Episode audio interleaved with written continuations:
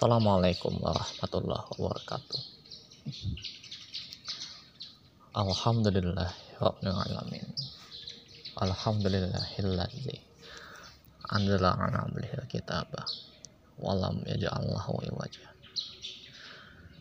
Segala puji bagi Allah subhanahu wa ta'ala Yang telah menguatkan kita dengan nikmat iman Islam.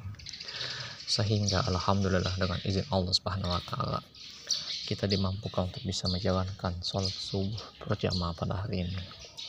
Dan Allah pertemukan kita kembali dalam taklim subuh rutin. Insya Allah semoga kita semua senantiasa istiqomah mengerjakan perintah Allah menjauhi larangannya. Dan semoga orang yang belum diberi hidayah oleh Allah Subhanahu wa taala baik itu dari kalangan keluarga kita, sahabat kita, saudara-saudara kita, tetangga-tetangga kita atau mungkin orang-orang yang belum kita kenal Insya Allah Allah berikan hidayahnya kembali ke jalan yang diridhoi oleh Allah Subhanahu Wa Taala. Amin ya rabbal alamin.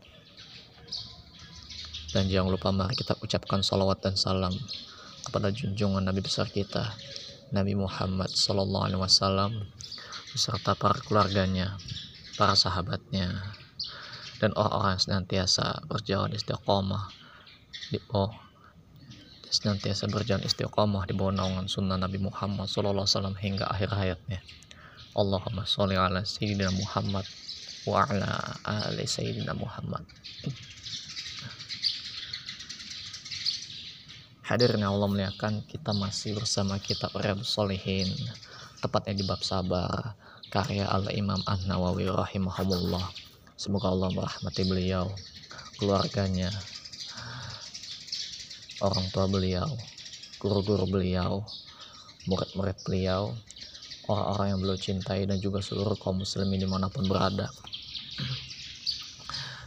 Kita masih bersama ayat surat Asyura ayat 43.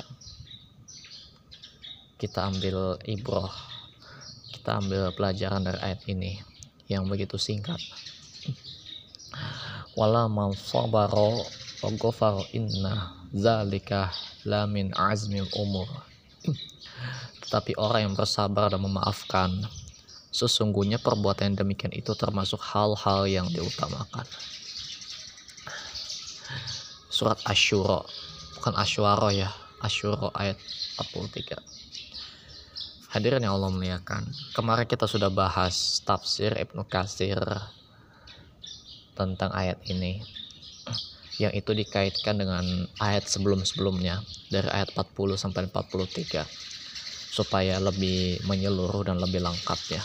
Karena itu sangat nyambung dengan kaidah muamalah tentang masalah memaafkan atau membalas. Ya. Mungkin ada yang bertanya kalau ada yang menzolimi kita bolehkah kita membalas kezoliman tersebut? Gitu ya. Diberi hukuman setimpal gitu ya.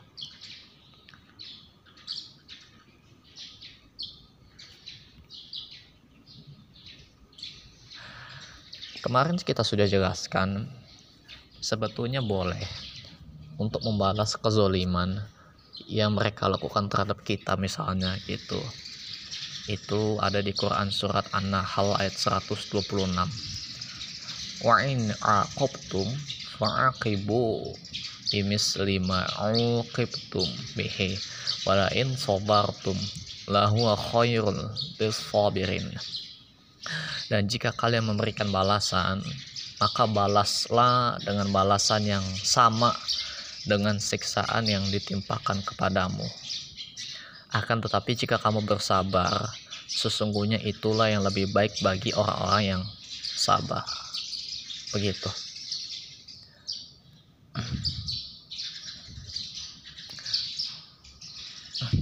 Jadi ada hukum kisos ya dalam masa muamalah. Apabila ada seseorang si A menzolimi si B, si B ini boleh membalas perbuatan si A tersebut. Gitu sebetulnya boleh. Allah memerintahkan untuk berbuat adil dalam kisos dan seimbang dalam menunaikan hak. seperti yang disebutkan dalam riwayat Ab Abdul Razak dari Sufyan At-Sawri dari Khalid dari Ibnu Sirin yang telah mengatakan sehubungan dengan makna firman fa'aqibu bimis lima uqibtum bih maka balaslah dengan balasan yang sama dengan siksaan yang ditimpakan kepadamu bahwa maksudnya adalah kata para ulama jika seseorang mengambil sesuatu dari kalian maka ambillah darinya yang semisal. Nah hal yang sama telah dikatakan oleh Al-Imam Mujahid Ibrahim Al-Hasan Al-Basri dan lain-lain. Nah pendapat ini dipilih oleh Ibnu Jarir. Ibnu Zaid mengatakan bahwa pada mulanya kaum muslim diperintahkan terhadap sikap orang-orang musyrik. Akan tetapi setelah masuk Islam, banyak lelaki yang mempunyai kekuatan. Maka mereka mengatakan, Wahai Rasulullah, sekiranya Allah memberi izin kepada kita untuk membalas, tentulah kami akan balas anjing-anjing itu. Maka turunlah ayat ini yang kemudian dimansuk dihapus oleh ayat jihad seperti itu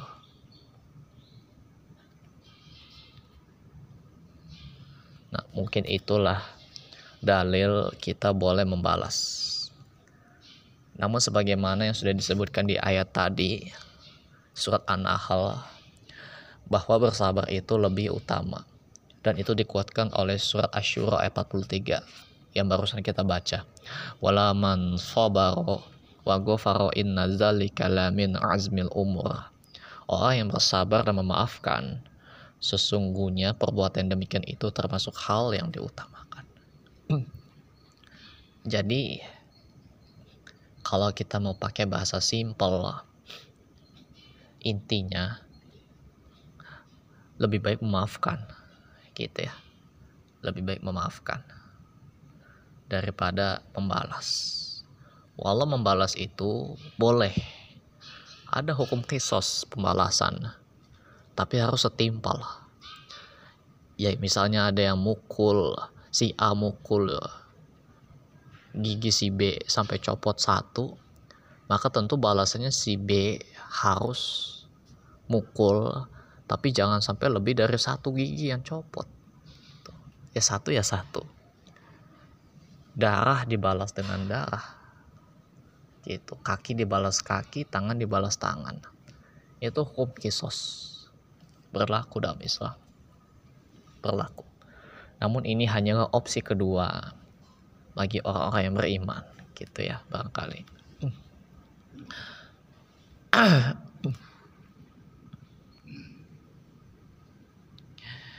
Allah Subhanahu wa taala memuji orang-orang yang mampu menahan amarah. Ya misalnya dalam kehidupan sehari-hari ketika ada yang berbuat nyeleweng ke kita, ada yang berbuat tidak baik ke kita gitu. Nah, seperti firmannya wal kazimina goiz dan orang-orang yang menahan amarahnya. Demikian pula Rasulullah SAW telah menegaskan bahwa orang yang mampu menahan dirinya di saat marah dialah sejatinya orang yang kuat. Nabi bersabda, "Laisa syadidu bisabr bisor'ati, innama syadidu lazi yamliku nafsaha nafsahu indal ghadab." Orang yang kuat itu bukan yang banyak mengalahkan orang dengan kekuatannya. Tapi orang yang kuat hanyalah orang yang mampu menahan dirinya sangat marah. Begitu dan kita ketemu pembahasan tentang amalan yang satu ini yaitu memaafkan mungkin hanya sebentar yang bisa disampaikan memaafkan adalah amalan yang sangat mulia ketika seseorang mampu bersabar terhadap gangguan yang ditimpakan orang kepadanya serta memaafkan kesalahan orang orang padahal ia mampu untuk membalasnya Gangguan itu bermacam-macam bentuknya. Ada kalanya berupa cercaan, pukulan, perampasan hak, dan semisalnya. Memang sebuah kewajaran apabila seseorang menuntut haknya dan membalas orang menyakitinya. Seseorang dibolehkan membalas kejelekan orang lain dengan yang semisal. Namun, alangkah mulia dan baik akibatnya apabila dia memaafkan. Allah Subhanahu wa taala berfirman dan ini seperti yang sudah dibahas dalam kemarin. Wajaza usayyatin sayyatun misluha. Faman afa wa aslaha fa'ajruhu Allah. Innahu la yuhibbul zalimin. Dan balasan suatu kejahatan adalah kejahatan yang serupa. Barang siapa memaafkan dan berbuat baik, pahalanya atas tanggungan Allah Subhanahu wa taala. Sesungguhnya dia tidak menyukai orang-orang yang zalim. Hmm, begitu. Surat Asyura ayat 40. Ayat ini menyebutkan bahwa tingkat pembalasan ada tiga. Yang kemarin mungkin tidak dijelaskan ya tingkat pembalasannya. Yang pertama, adil, yaitu membalas kejelekan dengan kejelekan serupa tanpa menambahi atau mengurangi. Misal,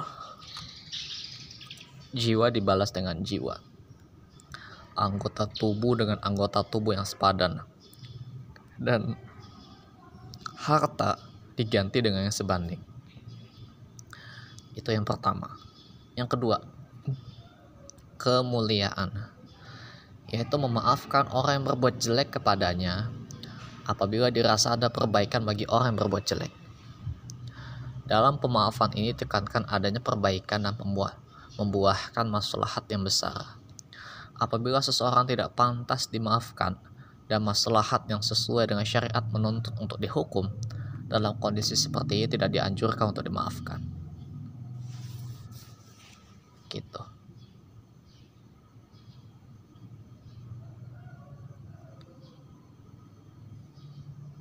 dalam kondisi seperti ini tidak dianjurkan untuk dimaafkan nanti silakan ambil contoh lewat ustadz-ustadz lainnya bisa menjelaskan. Yang ketiga zolim. Yaitu berbuat jahat kepada orang yang lain. Zolim yaitu berbuat jahat kepada orang lain dan membalas orang yang berbuat jahat dengan pembalasan yang melebihi kejahatannya. Nanti dicek dalam tafsir Al-Karim Al-Rahman halaman 760 tentang masalah ini. Memaafkan kesalahan orang lain kadang dianggap sebagai sikap lemah dan bentuk kehinaan. Gitu ya. Ada teman kita misalnya ngomong ke kita, ketika kita habis dipukulin biasa anak muda ya ih bro lo mau mauan amat dipukul pales tuh kenapa lo diem aja? Penakut talunya. Ih cemen lo gitu tuh ya. Biasanya anak muda kan begitu tuh di masa-masa sekolah entah itu di SD SMP SMA kita lihat sendiri pergaulan anak-anak yang memang udah kelewat batas. Mungkin kita sering melihat itu atau mungkin kita pernah mengalami gitu. Kadang memaafkan kesalahan orang lain dengan mendiamkan gitu misalnya. Ya udahlah diamin gue ikhlasin lah. Bodoh amat gitu.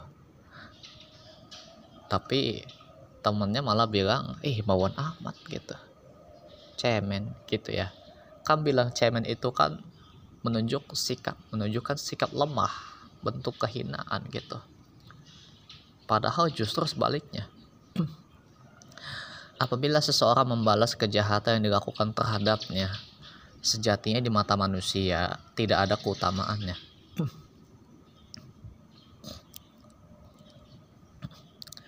Nggak ada keutamaannya. Maksudnya apa pentingnya buat kita? Kalau seandainya kita bisa balas pakai kisos itu tuh, apa manfaatnya buat kita gitu? Nggak ada. Akan tetapi dikala dia memaafkan padahal mampu untuk membalas, maka dia mulia di hadapan Allah Subhanahu wa taala dan manusia. Begitu. Berikut ini beberapa kemuliaan dari memaafkan kesalahan. Yang pertama, mendatangkan kecintaan. mendatangkan kecintaan. kemarin kita sudah jelaskan di surat Fusilat ayat 34 sampai 35 Allah berfirman wala tastal had asanatu wala sayiat izfa billati hiya ahsanu faizal lazi bainaka wa bainahu ada wa ka'annahu waliyu hamim. Begitu seterusnya. Tolaklah dan tidaklah sama kebaikan dan kejahatan tolaklah kejahatan itu dengan cara yang lebih baik. Ahsan. Maka tiba-tiba orang yang diantaramu dan antara dia ada permusuhan seolah-olah telah menjadi teman setia. Begitu. Nah Al-Imam Ibnu Kasir menerangkan apabila engkau berbuat baik kepada orang yang berbuat jelek kepadamu kebaikan ini akan menggiring orang yang berlaku jahat itu merapat denganmu. Mencintaimu dan condong kepadamu. Dengan demikian, dia akhirnya menjadi temanmu yang dekat. Ah, begitu.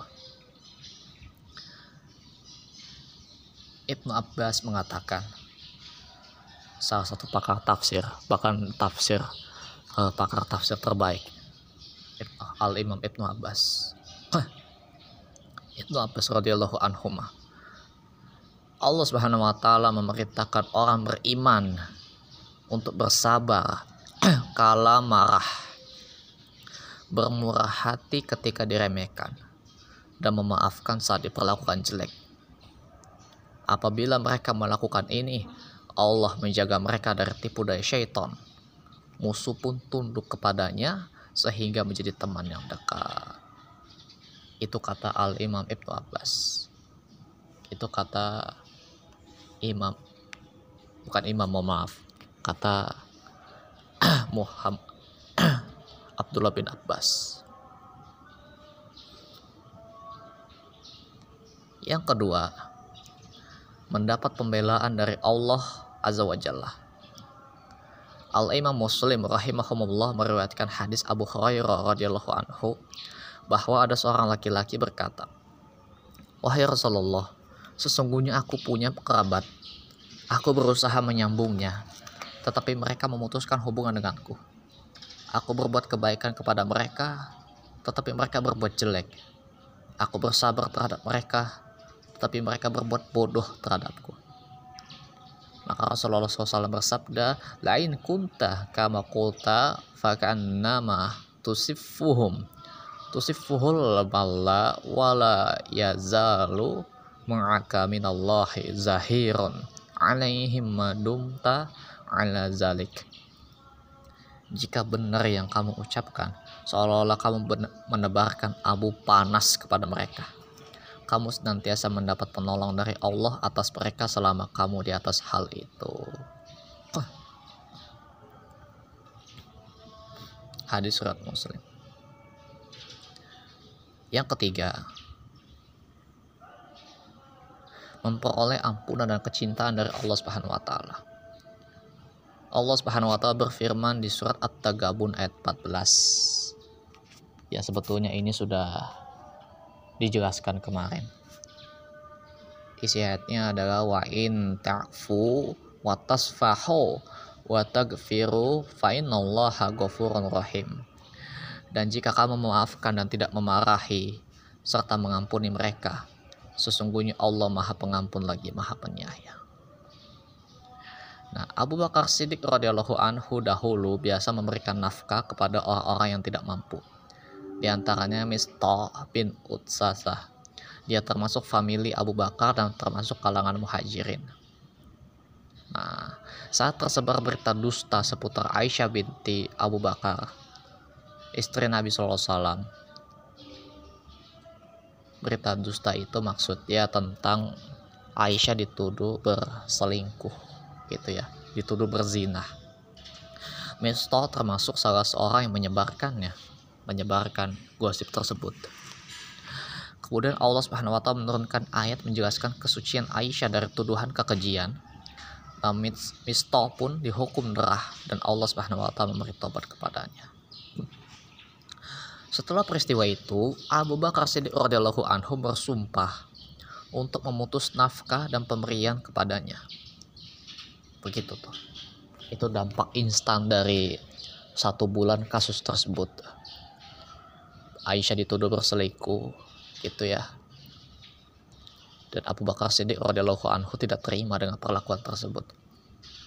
Tentu ini kasih sayang seorang ayah kepada anaknya meskipun masih meskipun sudah dilepas menjadi seorang istri ya anaknya itu. Tidak tidak lagi dekat. Namun ini menunjukkan keutamaan beliau yang marah karena karena orang soleh orang soleha dizolimi gitu. Namun nah Allah subhanahu wa ta'ala menurutkan firmannya untuk mengerem kelakuan beliau wala yatal ulu fadli minkum wasa'ati an yuktu ulil al qurbah wal masakina wal muhajirina fi sabilillah. Wal ya'fu wal yasfahu ala tuhibbu tuhibbuna an yaf yaghfirallahu lakum.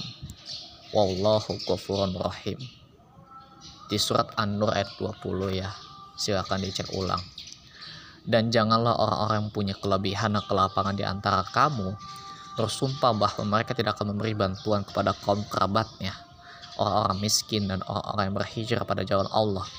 Dan hendaklah mereka memaafkan dan berlapang dada. Apakah kamu tidak ingin bahwa, bahwa Allah mengampunimu? Dan Allah adalah maha pengampun lagi maha penyayang. Nah setelah mendengar ayat tersebut Abu Bakar Siddiq radhiyallahu anhu mengatakan, betul demi Allah, Aku ingin agar Allah Azza wa Jalla mengampuniku. Masya Allah. Lantas Abu Bakar memberikan nafkah kepada Mistah radhiyallahu anhu. Gitu. Dan sebagai penutup Nabi SAW bersabda, Arhamu turham turhamu. Wagfiru yaghfirullahu lakum. Sayangilah makhluk yang ada di bumi maka kalian akan disayangi oleh Allah. Berilah ampunan niscaya Allah mengampuni. Dan salah satu perkataan Al Imam Al Munawi rahimahumullah berkata tentang hadis tadi dalam Sahih Al Adab Al Mufrad Allah Subhanahu wa taala mencintai nama-namanya dan sifat-sifatnya yang di antaranya adalah sifat rahmat dan pemaaf. Allah juga mencintai makhluknya yang memiliki sifat tersebut. Seperti itu. Dan masih banyak poin yang harus dibahas. Namun mungkin ini mewakili, cukup mewakili tentang perintah tentang memaafkan. Dan insya Allah besok kita akan bahas ayat berikutnya. Tepatnya di surat Al-Baqarah 153 ista'inu bis sabri was salat innallaha ma'as sabirin. Mintalah pertolongan kepada Allah dengan sabar dan salat. Sesungguhnya Allah berserta orang yang sabar. Insya Allah kita akan bahas ayat itu. Kita minta pertolongan kepada Allah subhanahu wa ta'ala agar Allah senantiasa menjaga kita untuk senantiasa rutin melakukan kewajiban kita sebagai seorang muslim yaitu menuntut ilmu Tolabul ilmi fardhu ala kulli muslim. Menuntut ilmu itu hukumnya wajib bagi setiap muslim. Dan cukup sampai di situ pembahasan kita pada hari ini. Insya Allah semoga Allah memberikan taufik kepada kita untuk istiqomah mengamalkan sunnah Nabi Muhammad SAW. Di antaranya adalah mengamalkan sabar pada hari ini. Amin ya rabbal alamin. Demi kesempurnaan majelis, marilah kita tutup dengan doa kifaratul majelis. Subhanallah wa bihamdihi. Subhanakallahumma wa bihamdika. Asyhadu an la ilaha anta astaghfiruka wa atubu ilaik. Wassalamualaikum Muhammad rabbil alamin. Assalamualaikum warahmatullahi wabarakatuh